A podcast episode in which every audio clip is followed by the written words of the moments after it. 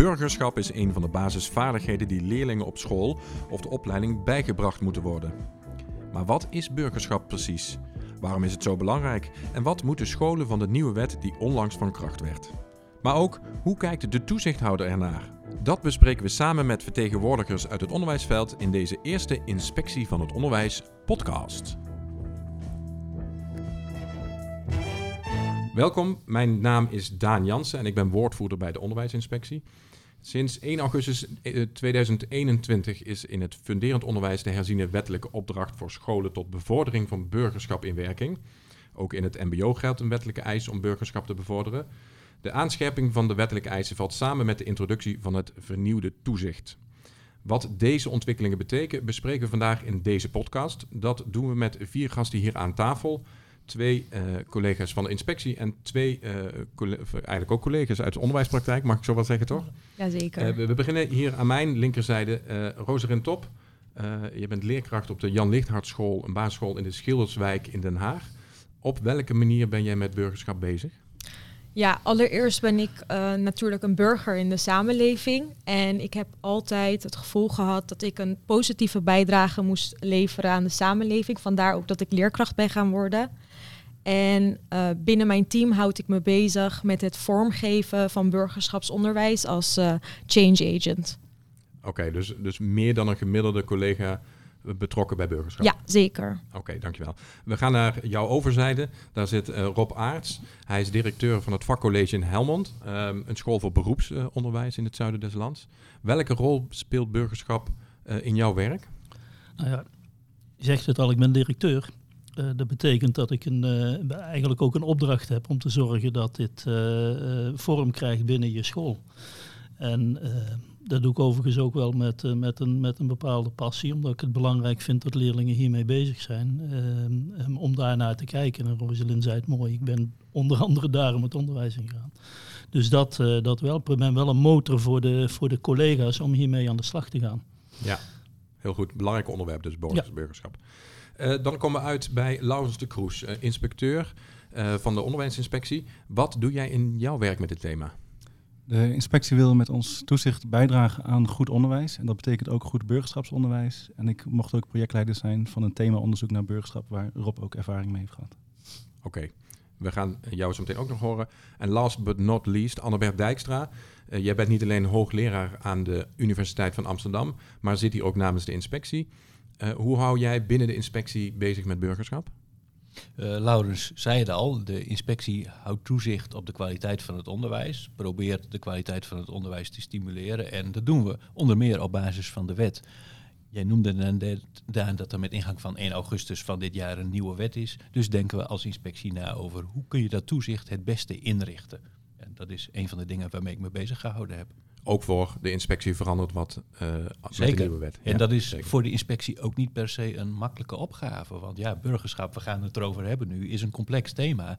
Dus uh, hoe kun je het gesprek daarover op een goede manier voeren tussen scholen en inspecteurs? Nou, laten we dat goede gesprek alvast hier gaan voeren.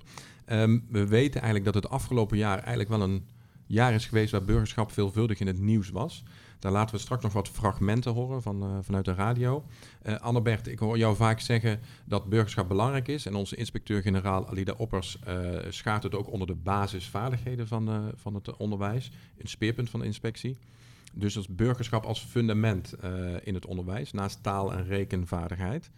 Um, maar kun jij simpel uitleggen, wat is burgerschap dan? Met het gevaar dat ik het al te simpel zeg, burgerschap is ga op een beetje een fatsoenlijke manier met elkaar om. Of hetzelfde op een andere manier gezegd. Je wil zelf leven eh, op de manier zoals jij je leven graag inricht. Geef die ruimte ook aan anderen. En dat heeft natuurlijk allerlei vormen. In het klein, in de klas, in de straat, in het openbaar vervoer, de publieke ruimte en in het groot natuurlijk ook. Als we samen beslissingen moeten nemen over bijvoorbeeld het milieu en duurzaamheid, ja, daar ben je het niet over eens per se. Hoe neem je dan samen als land goede beslissingen. Nou, de democratie hebben we daarvoor. Dat is ook een belangrijk domein als het gaat over burgerschap. Nou, je hebt in ieder geval uh, duidelijk uitgelegd. Ik zie ook Roserin een beetje knikken. Uh, kun je dat nog aanvullen of ben je het daarmee eens? Ja, ik ben het daar zeker mee eens. Ik denk ook dat het superbelangrijk is dat mensen een positieve bijdrage leveren aan de samenleving. Ehm, en rekening houden met elkaar. Dus ik ben het zeker met uh, Annebert eens. Rob, wat is het belang van burgerschapsonderwijs? Nou ja, of je burgerschapsonderwijs, dat, we kennen het vak overigens niet. Uh, het zit heel erg verweven in wat we doen. En het, en het is hier aan tafel eigenlijk al gezegd, je wil je, wil, um, um, je leerlingen de basis meegeven waarmee ze een volgende stap in hun, in, hun, in hun loopbaan, in hun leven kunnen maken. Waarbij ze rekening houden met elkaar. Um, waarbij ze, uh, er zit een solidariteitsgedachte ook achter. Er zit een een, een, vrijheids... Uh, en, en, wat is vrijheid bijvoorbeeld? En hoe ga je daarmee om met elkaar? En, en, en hoe ga je om met verschillende meningen?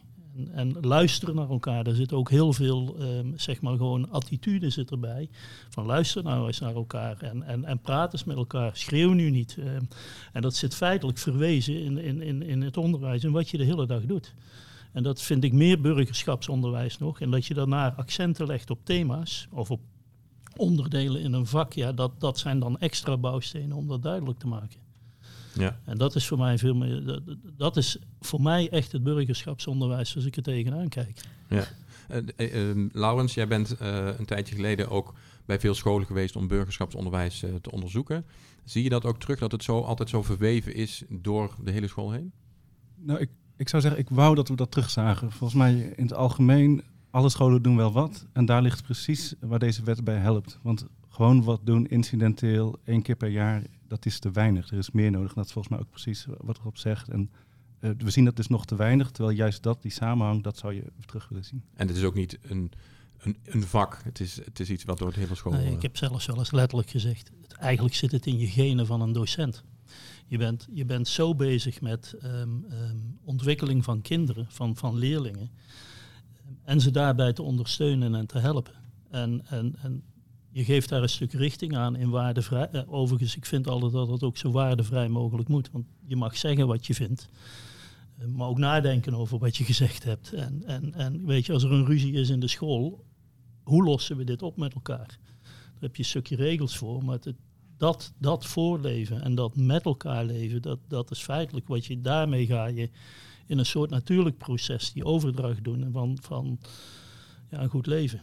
Ja. Ik denk dat dit ook een mooie illustratie is van hoe de wetgever naar burgerschap kijkt. In de wet is een groot accent uh, gelegd op scholen kunnen burgerschap invullen op een manier die past bij hoe ze zelf over onderwijs denken, bij wat hun idealen zijn, bij de leerlingen aan wie je onderwijs geeft. En dat betekent, het kwam al langs, dat er verschillende manieren zijn waar burgerschap uh, aandacht kan krijgen. Als ik het even met wat begrippen samenvat, dan gaat het over hoe je pedagogisch als leraar in de school rondloopt. Het gaat over schoolklimaat, het gaat ook over lesinhouden. Rob gaf daar net al een, uh, al een voorbeeld van. Al die onderdelen zijn belangrijk. En de vraag wil je een apart vak inrichten of niet?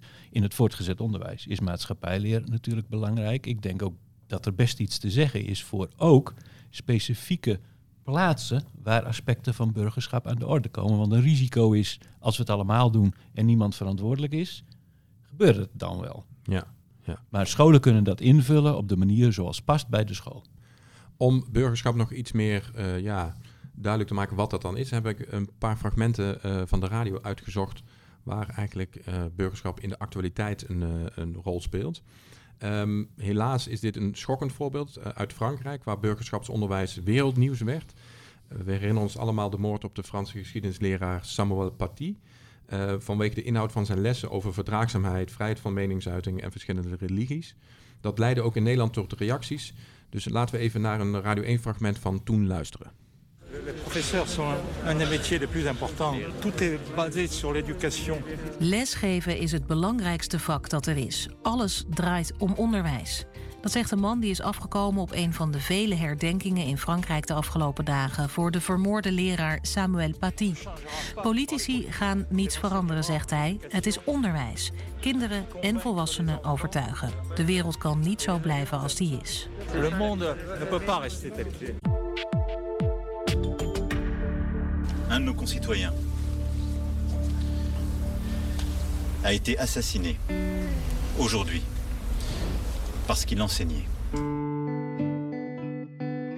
We hebben na de brute moord op Samuel Paty ook aan het Nederlandse onderwijs geluiden gehoord dat die vrijheid onder druk staat. Een oud-docent maatschappijleer en docentenopleider schreef over de didactische kracht van de spotpret. En hoe extra gemotiveerd hij sinds vorige week is om daarmee nieuw lesmateriaal te ontwikkelen. Maar hij schrijft ook: Ik weet niet of ik dat nog durf. En dat kunnen we en dat mogen we niet laten gebeuren. Een andere docent maatschappijleer zei het als volgt. Het is mijn taak om kinderen te leren over dit soort onderwerpen te praten. Hoe jonger, hoe beter. We moeten ons niet de mond laten snoeren.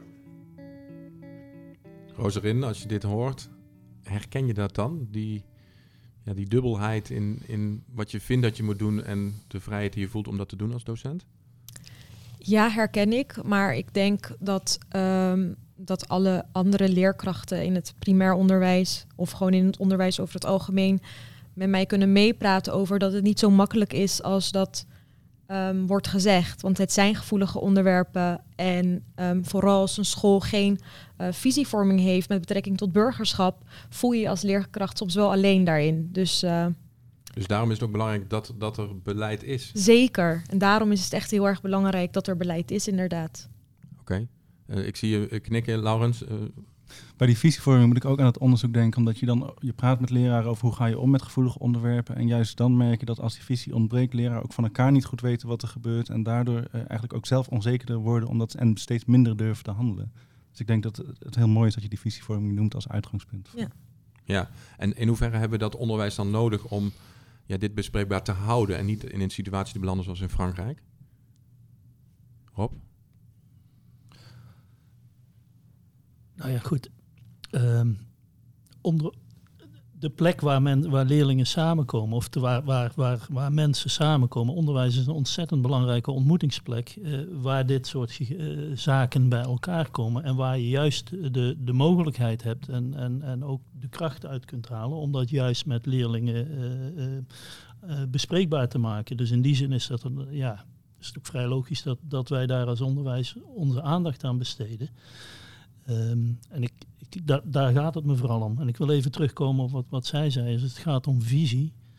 En ik ben zelf schoolleider en ik, ik heb er natuurlijk dagelijks mee te maken. En ik merk inderdaad hoe belangrijk het is dat je, dat je vanuit je schoolleiding zegt... en we gaan bijvoorbeeld geen gesprek uit de weg je hebt mijn steun en we hebben het er met elkaar over hoe je dat doet. Hoe moeilijk dat gesprek ook hoe kan zijn. Hoe moeilijk dat gesprek ook is. En als dat lastig is, dan kun je nog hulptroepen vinden in, in, in je omgeving, in je netwerk. Er zijn mensen die daar beter in, in, in de weg. Maar ga het niet uit de weg. Um, um, dat is bijna eng om te horen, ook in het, in het voorbeeld wat je hoort. Want dan, dan, ja, dan, dan gaan we dingen wegstoppen. En dan gaan we dus echt problemen krijgen. En dat moet je als onderwijs en als docenten nooit goed vinden. Maar zorg wel ook inderdaad dat die docent gesteund is en dat hij wat hij dat ook kan doen. Ja.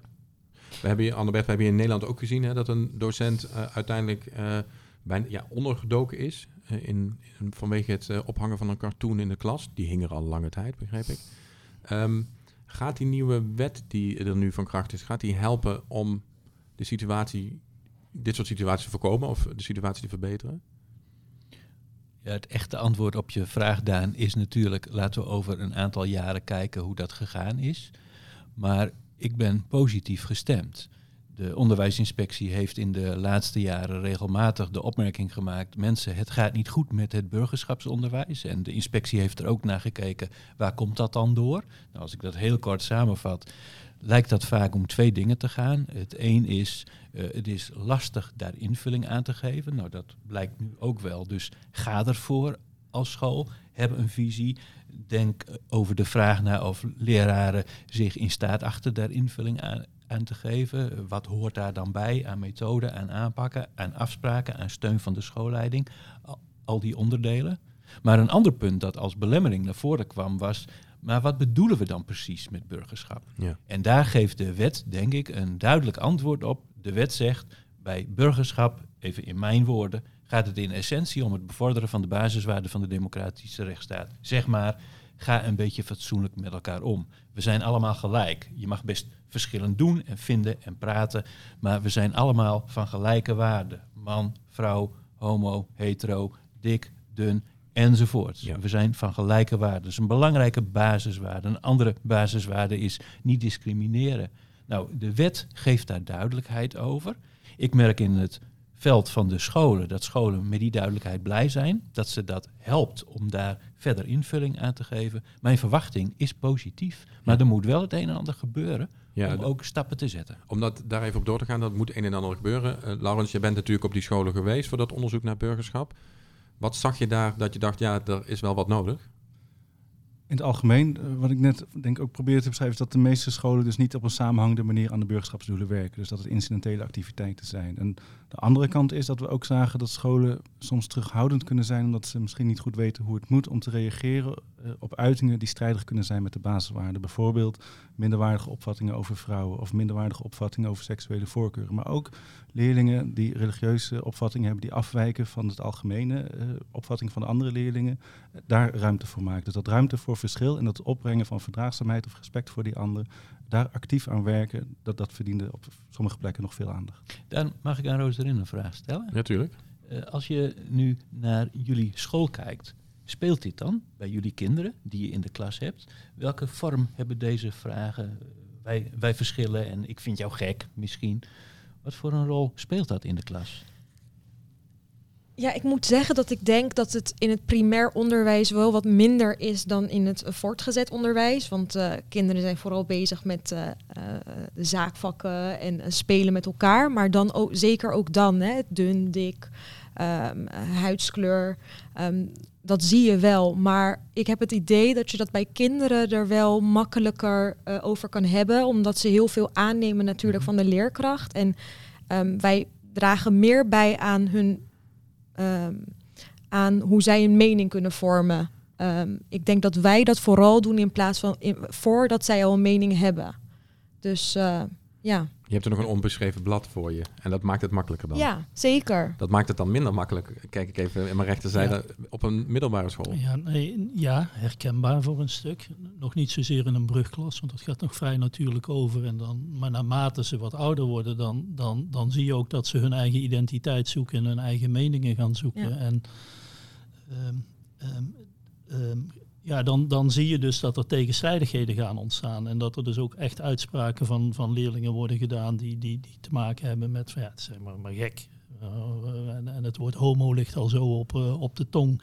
En uh, hoe kan het nou dat, dat, dat, dat mannen met elkaar kunnen trouwen, laat staan dat ze kinderen kunnen adopteren? Um, um, ik liet het beeld, ik, ik, ik heb afgelopen jaar ook lesgegeven. Toevallig ben ik van oorsprong onder andere docent maatschappijler, dus ik heb er redelijk mee te maken. Maar ik liet een beeld van Rutte zien en er riepen twaalf dames, dus die kinderverkrachter.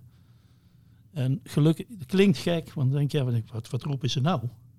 En tegelijkertijd dacht ik van nou, oké, okay, wat, wat, wat, wat, wat Hoe kom waar je heb je het vandaan? Hoe kom Ja. je er vandaan? Het heeft me echt wel een tijdje geduurd voordat ik achter, uh, precies erachter was waar nou al die informatie vandaan en al via social media en zo. Maar het lag wel open. En dan is het de kunst voor je als docent om de verbinding te maken van ja, maar wat roep je? En kun je dan ook zomaar wat roepen? Uh, tegen iemand of, of dan, dan, ga je dus, om terugkomen op wat er net gezegd werd, uh, hoe gaan we nou eigenlijk met elkaar om? Wat, is, wat, is, wat is respect? En, en uh, ja, zoek eens even naar de juiste bewijslast enzovoort. Dus dat, ehm, je ziet wel dat die leerlingen eigen mening hebben, dat ze tegenwoordig redelijk vol zitten met, met ook allerlei informatie die, die buiten het blikveld van een docent zit, eh, heel vaak. Dus dat maakt het best lastig om les te geven. Maar ze roepen het wel. En op het moment dat ze het roepen of zeggen, heb je wel de ingang om het gesprek te gaan voeren. Zonder te zeggen van ja, je moet je mond dicht houden of uh, nee, ga, Ja. ga in op wat er gebeurt. Maar begrijp ik dan goed dat het dan, wat uh, uh, Laurens net zei, dat het incidenteel is dan? Nee, dit, dit, dit zie je wel structureel in ieder geval bij ons in lessen terugkomen. Alle kinderen die hebben dat, dat, dat vak, hè, dus dat, dat sowieso. In de onderbouw hebben we dat standaard ingebouwd bij ons om dit soort thema's te blijven bespreken. Ja, ik, ik ga jullie even onderbreken, want uh, uh, je had het eigenlijk al over, over nepnieuws, in dit Ja. geval in relatie tot Rutte. Daar hebben we ook weer een mooi fragment uit de praktijk. Uh, dit keer gaat het dus over nepnieuws van Reporter Radio. Reporter Radio met Niels Heidhuis. Goedenavond, onderzoeksjournalistiek van KRO en CRV. We gaan het hebben over nepnieuws. Taalwetenschappers Piek Vossen en Anske Fokkens maken zich zorgen over de onzin op internet. In een presentatie zei professor Vossen: We leven niet in een tijd met vrije toegang tot informatie en kennis. Nee, we leven in een tijd met vrije toegang tot ongefundeerde claims, leugens en misleiding. Ik denk je kunt alleen maar dat soort krachten die proberen de informatiestroom te manipuleren, hè, die proberen de democratie te ontwrichten, die kun je alleen maar, denk ik, verslaan door echte hoge kwaliteit informatie te leveren en het te laten zien hoe het anders en beter kan. Annebert, wat is hier burgerschap aan aan nepnieuws? Als het erom gaat dat we in een land leven waarin iedereen mag vinden wat hij vindt en tegelijkertijd we zeggen die ruimte moet je ook aan anderen geven, moet je het over een aantal dingen eens zijn. En waarover je het eens moet zijn, dat zijn die basiswaarden van de democratische rechtsstaat. En uh, binnen die grenzen is heel veel mogelijk. Dus je mag het met van alles en nog wat oneens zijn. Leerlingen mogen meningen hebben tussen hoge komma's, foute meningen, allemaal prima. Uh, het zijn adolescenten die vaak ook een mening aan het vormen zijn. Het gaat dus bij burgerschap ook niet om iedereen in het keurslijf dringen van allemaal het goede antwoord geven. Uh, wie bepaalt wat het goede antwoord is? Het gaat er nu juist om bij burgerschap dat je leerlingen leert voor zichzelf te denken, kritisch te zijn bijvoorbeeld. En dan is nepnieuws een belangrijk punt. Waar haal je je informatie vandaan? Hoe kun je het goede gesprek voeren samen? En als ik daar één ander element aan toe mag voegen. Mm-hmm. Aan de ene kant gaat het dus om leerlingen helpen in hun meningsvorming. Leer voor jezelf te denken. En aan de andere kant leer leerlingen dat daar wel grenzen zijn. Dat er wel vangrails zijn waar we allemaal binnen moeten blijven. Namelijk die gelijkwaardigheid, die non-discriminatie, waarover we het al hadden. Of een andere belangrijke basiswaarde, autonomie. Jij mag voor jezelf denken. Ik zeg wel eens, je mag in een geloof stappen en je mag ook uit een geloof stappen. Nou, nou zijn dit allemaal dingen die al jaar en dag in de grondwet staan. Dus wat dat betreft niks nieuws. We hebben toch een nieuwe wet uh, sinds 1 augustus. Wat verandert dan voor jullie uh, op de scholen, Roserin, uh, als het gaat om burgerschap? Wat maakt die wet voor jou je werk anders? Nou, dat we nu sowieso een, uh, een visie gaan vormen met z'n allen. En ik denk dat het heel erg bij die visievorming heel erg belangrijk is dat je dat niet alleen doet. Um, alleen doet, maar het team en de ouders en de wijk daarin meeneemt. En, en ook de kinderen, want zij zijn degene die dat uiteindelijk moeten gaan dragen. Dus ik denk dat de wet uh, wel bijdraagt aan burgerschapsonderwijs. Want hadden jullie die visie totdat de wet in de, in de pijpleiding zat niet zo uitgewerkt? Niet zo uitgewerkt, nee. Dus, dus het, het, heeft jullie aan het denken gezet om daarmee aan de slag te gaan? Zeker, zeker. Was, dat, was dat in Helmond ook uh, uh, een trigger? Um, in zekere zin zeker, ja. Um, het, het, het, het, het accentueert uh, wat je opdracht is en wat je wil. En dat helpt. Um, natuurlijk gebeuren er al wat de, de, nodige zaken, maar dit, dit versterkt eigenlijk om dat, dat nadrukkelijker met elkaar te doen. En vooral ook in een, in een, in een grotere wijgedachte met elkaar te doen. Ja, en hoe, hoe reageert iedereen binnen school daarop, op, op die verandering? Ja, positief. En uh, bij ons zelfs zo dat een aantal leerkrachten zeiden van nou eindelijk. Uh, dit is wat wij nodig hebben en dit is echt wat we nu moeten gaan doen. En ik denk zelfs wel dat we te laat zijn hiermee. Dus uh, de meesten waren heel positief. Ja. Ik denk dat het een stuk uh, van een, een, stukje veiligheid, veiligheidsgevoel geeft. Ja. Annabert, kun je nog wat toevoegen wat, wat van scholen verwacht wordt? Ja, maar daar misschien vind je het goed dat ik eerst zeg, als ik zo naar Rosarin en Rob, luister, we hadden hier nu aan deze tafel samen de wet wel kunnen schrijven. Ja. Want dit is waarom het gaat. En als ik het dan vanuit de wet formuleer met de begrippen die daar staan, dan zegt de wet, scholen, wil je de basiswaarden actief bevorderen, dus heb daar ook een plan bij, doe dat doelgericht. Daar horen ook in de begrippen van de wet sociale en maatschappelijke competenties bij. Sociale vaardigheden, maatschappelijke vaardigheden. Dus dat, is, ja, dat zijn weer variaties op wat, hoe wat voor vaardigheden worden daarmee bedoeld? Je zou kunnen zeggen, sociale vaardigheden, uh, dat zijn de kennis, de houding, de vaardigheden waarin je dagelijks met elkaar omgaat. Bijvoorbeeld zoals we hier nu aan tafel in gesprek zijn. Je laat elkaar uitpraten, je reageert op elkaar. Maar als we een meningsverschil zouden hebben, hoe gaan we daar dan mee om? Dat zijn sociale vaardigheden. Maatschappelijke vaardigheden is eigenlijk hetzelfde, maar dan in het groot. Als ik straks in de trein stap, doe ik dan een mondkapje voor of niet? Om maar eens een voorbeeld te noemen. Dus hoe ga je in het groot daarmee om? Sociale ga je met, en maatschappelijke. Ga je met je benen op de, op de bank zitten of niet? Dat soort uh, Precies, ja, uh, ja. zaken. Ja, ja. Sociale en maatschappelijke competenties naast basiswaarden zijn dus belangrijke onderdelen. En als ik daar nog twee andere elementen uit de wet aan toevoeg, het klinkt een beetje droog, maar we hebben dat al lang tegen elkaar gezegd. De wet zegt, school, doe dat doelmatig, doelgericht moet ik zeggen, doelgericht. En doe dat samenhangend. En in gewoon Nederlands betekent dat, heb je concrete leerdoelen. Dus jouw voorbeeld, de basisschool, Rosarin, betekent, heb je geformuleerd wat de leerdoelen voor kennis en houding en vaardigheid in de middenbouw zijn en in de bovenbouw. En bij jou op school, Rob, heb je, als het gaat om dat planmatige, afspraken. Jij gaf net een mooi voorbeeld. Uh, er worden dingen over de minister-president gezegd. Dan zou het niet uit moeten maken of jij in die klas staat of een collega van jou. Doe je dat samenhangend? Heb je afspraken gemaakt over wat komt waar aan de orde? Bouwt dat op elkaar voor, de onderbouw, de bovenbouw? Is de pedagogiek daarop afgestemd? Dat zijn, heel kort samengevat, de dingen die de wet vraagt. Ja, Rob, liggen die plannen er al? Nou, zo concreet niet. Nee. Um, er liggen wel degelijk plannen. Of er liggen al inhouden ook. Um, het is wel nog een opdracht om dat samenhangend te maken. Ja. En dat is het proces wat nu gaande is. Ja. Is dat ook nog de tijd voor Laurens? Of zitten wij dan meteen als inspectie er bovenop om te zeggen, uh, waar zijn die plannen? Volgens mij is daar zeker tijd voor, precies zoals we hier dit gesprek voeren. Volgens mij betekent dat dat wij ook een stimulerende gesprek voeren over hoe ver ben je daar nou in en wat kan je nou op welk moment laten zien. En uh, dat leidt allemaal, wat ik mooi vind, dat leidt ook tot verschillende burgers. Want daar gaan we het ook over. Ik kan net zo goed zijn dat ik wel mijn voet op het bankje leg, maar ik heb mijn schoenen uitgedaan of ik heb een kantje ondergelegd. En dat verschil moet er ook blijven bestaan. Ja, ja. Uh, we gaan nog even de praktijk in. We pakken nog even een radiofragment erbij. Um, een ander burgerschapsonderwerp dat voor veel discussie zorgde afgelopen jaar... Uh, waren de identiteitsverklaringen... waarin sommige scholen aan ouders vragen om het gedachtegoed van de school te onderschrijven. Uh, minister Slop sprak zich daar ook meermaals over uit. Luister maar. NPO Radio 1. EO. Dit is de dag. Mogen religieuze scholen een identiteitsverklaring vragen van ouders waarin homoseksualiteit wordt afgekeurd? Ja, zei minister Slop gisteren. Maar vanmiddag lijkt hij toch van gedachten veranderd. Als in identiteitsverklaringen van ouders wordt gevraagd om homoseksualiteit af te wijzen, dus de seksuele identiteit uh, die leerlingen hebben af te wijzen, dan is dat natuurlijk een brug te ver. Een brug te ver. Uh, Roserin, speelt dit soort thema's, spelen dat op, uh, op, op jouw school?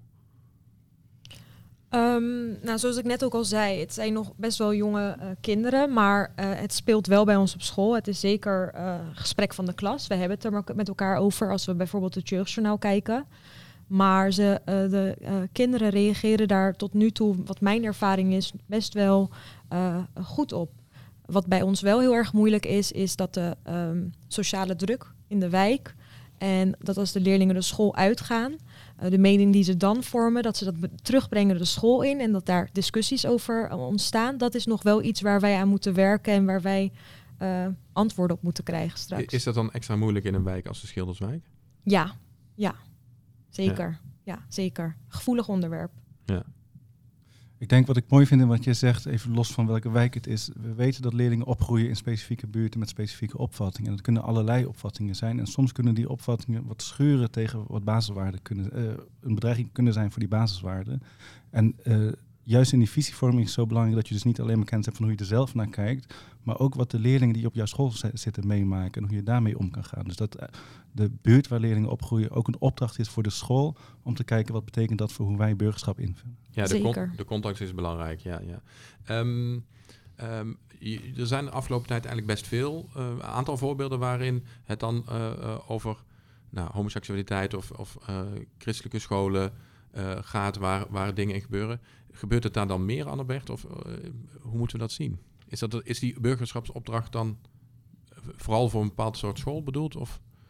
Nee, dat denk ik niet. Uh, als het gaat over je wil uh, ruimte hebben allemaal om te zijn wie je wil zijn, dan zijn er allerlei opvattingen waar mensen het, het over eens zijn. En dan lijkt het net alsof burgerschap op orde is. En dan komt het accent al snel te liggen bij scholen of mensen die andere opvattingen hebben. En dat is natuurlijk prima, daar zijn basiswaarden ook belangrijk. Autonomie, non-discriminatie, iedereen mag zijn die die wil zijn. Dus uh, geef anderen de ruimte en leer leerlingen op school dat dat belangrijk is.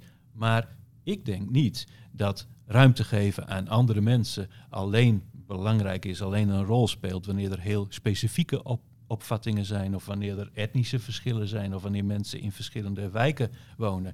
Ik zeg wel eens, juist als je veel op elkaar lijkt en er misschien niet elke dag conflictjes zijn, ja, dan lijkt het net alsof het allemaal vanzelf gaat. Maar is dat wel zo wanneer je in een andere omgeving komt en je moet dan voor het eerst leren je tot andere mensen te verhouden?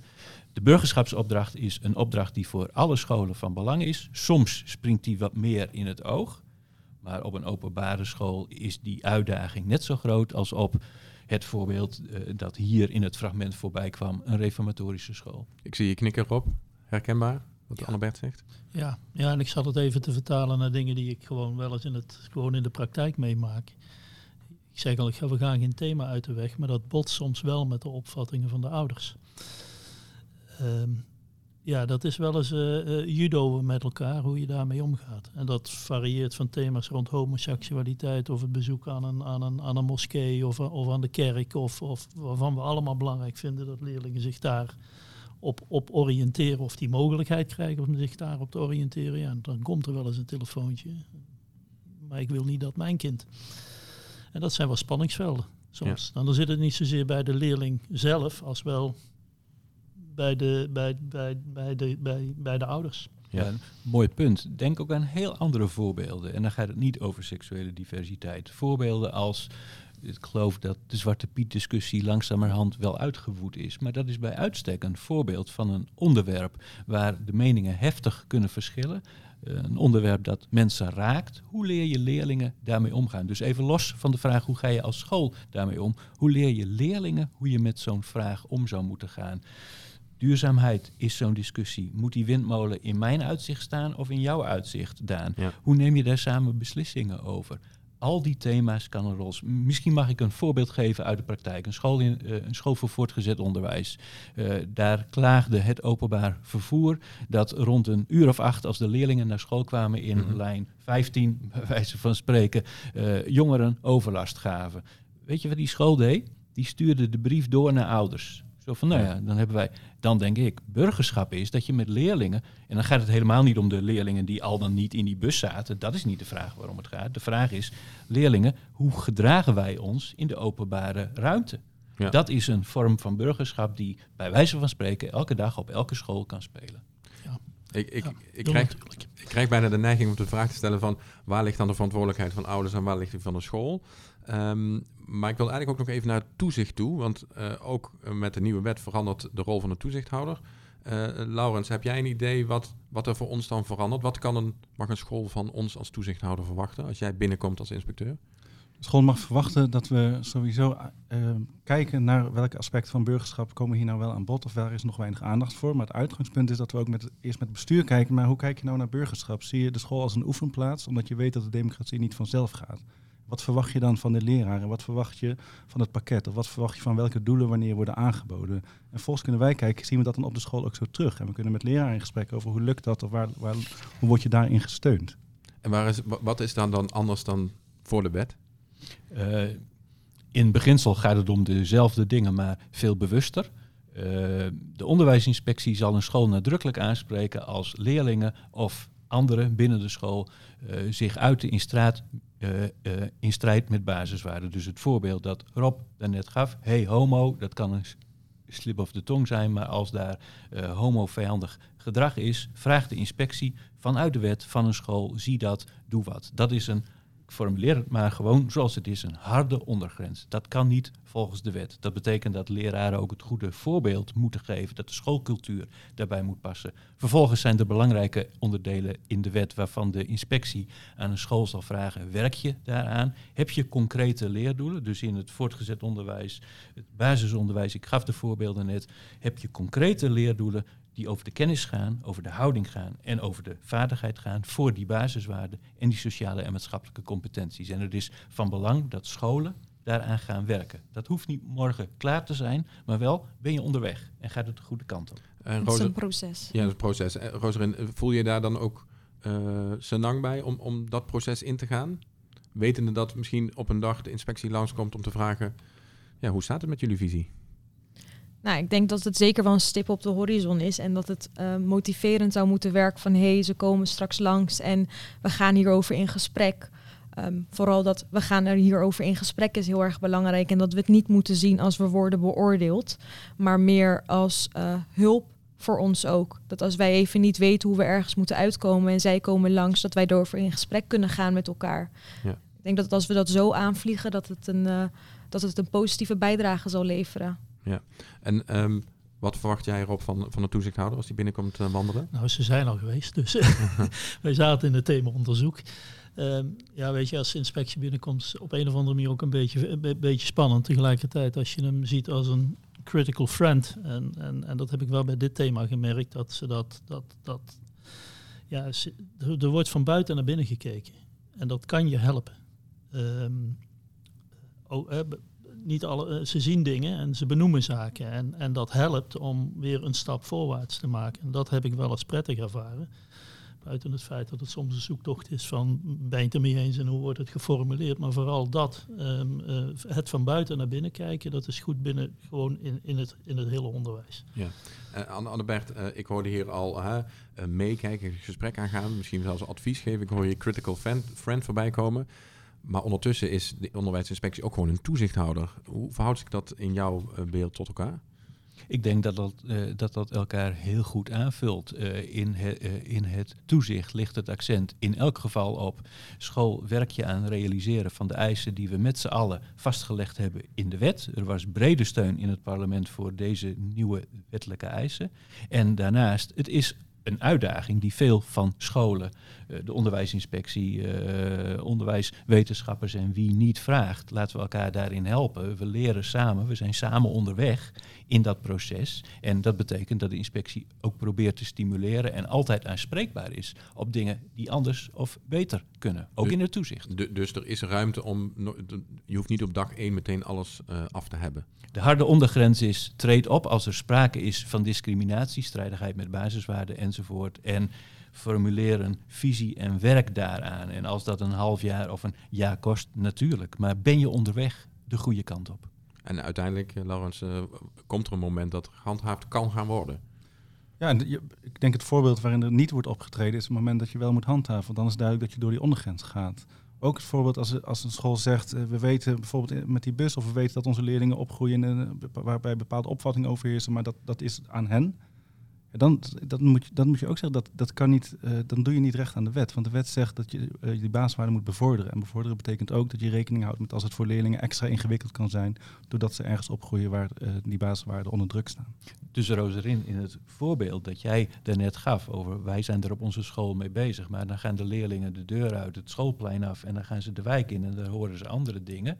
Ja, natuurlijk kun je niet aan een school vragen dat de uh, dat dat, uh, dat ze anders dat hele situatie. Precies. Ja, maar, maar, je zou er wel aan kunnen werken. Precies. Je weet dat ze morgen weer binnenkomen en precies. wat dan. Ik ja. zeg niet dat ja. je het moet laten op het plein. Ik denk dat je dat echt de school in moet uh, brengen. En wat de wet dan van de school vraagt is dat dat niet toevallig is, het gebeurt een keer en jij pikt het op en jouw collega niet, maar dat je als school erover nagedacht hebt. Wat is onze visie? Hoe vinden wij dat we leerlingen willen voorbereiden op het leven in onze samenleving? En daar gaan we actief invulling aan geven. En als we ons realiseren dat in de wijk andere geluiden klinken, maken we leerlingen weerbaar om met die geluiden om te gaan en binnen de grenzen van de basiswaarden, de grenzen van onze, uh, van onze democratie, uh, eigen keuzes te maken. Ja. Oké. Okay. Volgens mij hebben we heel veel interessants besproken. Uh, wat burgerschap is, hoe belangrijk het is en hoe belangrijk het is dat onderwijs en de toezichthouder daarmee aan de slag gaan met die nieuwe wet. Um, ik wil van jullie allen nog wel even de vraag, uh, het antwoord horen op de vraag van, hebben jullie nog tips voor iedereen die hier zo meteen naar zit te luisteren? Wat, wat kun je doen, Rob? Ja, heb ik tips. Um, hou het simpel eigenlijk. Uh, je kunt het heel, uh, als, als je het leest, kan het heel ingewikkeld zijn, maar hou het even simpel. Hou het dicht bij de leerlingen waarmee je werkt en laat die Ga dan even iets verder kijken dan je neus lang is. En voeg daar langzamerhand de thema's aan toe die, eraan, die ertoe doen voor, voor de school, uh, voor je eigen school. Er, is, er is niet één weg daarin. En, en, dat zou, en, en ik, de tip die ik aan een, school wil geven als je thema's bespreekt. Um, behandel ze, ga niks uit de weg. maar probeer dat zo waardevrij mogelijk in overleg met je, met, en, en, met je leerlingen te doen. En ondersteun daar vanuit de schoolleiding je, je, je, je, je docenten in. Ja, Roserin? Ja, de tip die ik kan geven is denk ik dat uh, dat scholen het niet alleen moeten doen. Ik denk dat het ook heel erg belangrijk is dat ze gaan samenwerken uh, met ouders. Um, want zoals ik net al zei, ze gaan het met z'n allen dragen. En zodat de uh, ouders thuis ook begrijpen wat de kinderen doen. En dat de kinderen zich thuis ook gehoord voelen door hun ouders. En hoe doe je dat dan? Die ouders betrekken?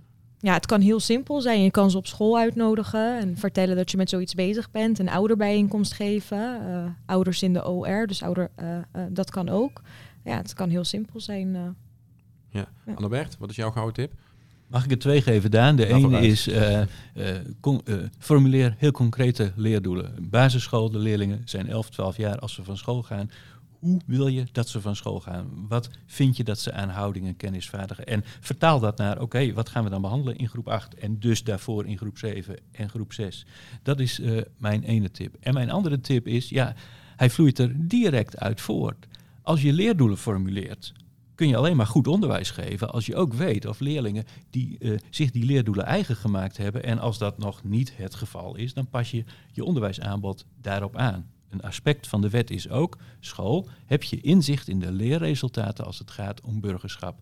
Stel je dus op de hoogte als school, mijn tweede tip, van wat heeft ons onderwijs opgeleverd? Realiseren we ons Evalueren, ja. En bijstellen waar nodig. Uh, Laurens, heb jij nog een tip? Twee, maar ik zal ze snel doen. De eerste is volgens mij, je moet nadenken als je de school als oefenplaats ziet.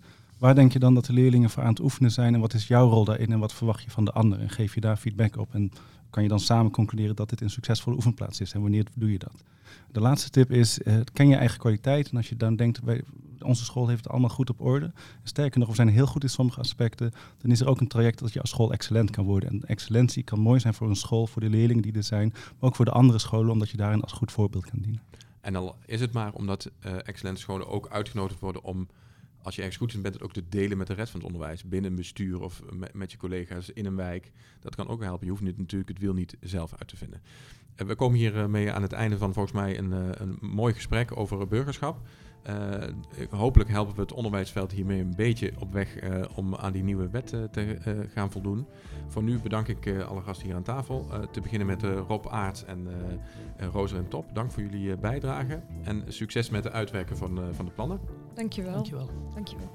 Um, uiteraard ook dank aan Annabert Dijkstra. Um, ik, ik, hoop dat je uiteindelijk gaat zien dat de scholen de, de wet gaan uh, volgen en uh, uitvoeren. Samen de schouders onder de scholen voorop en de inspectie probeert, daar, uh, probeert daarbij te ondersteunen.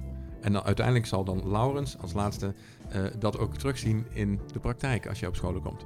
Kijk er naar uit en ook naar dit soort gesprekken. Dank. Oké, tot zover de eerste inspectie van het onderwijs podcast over burgerschapsonderwijs.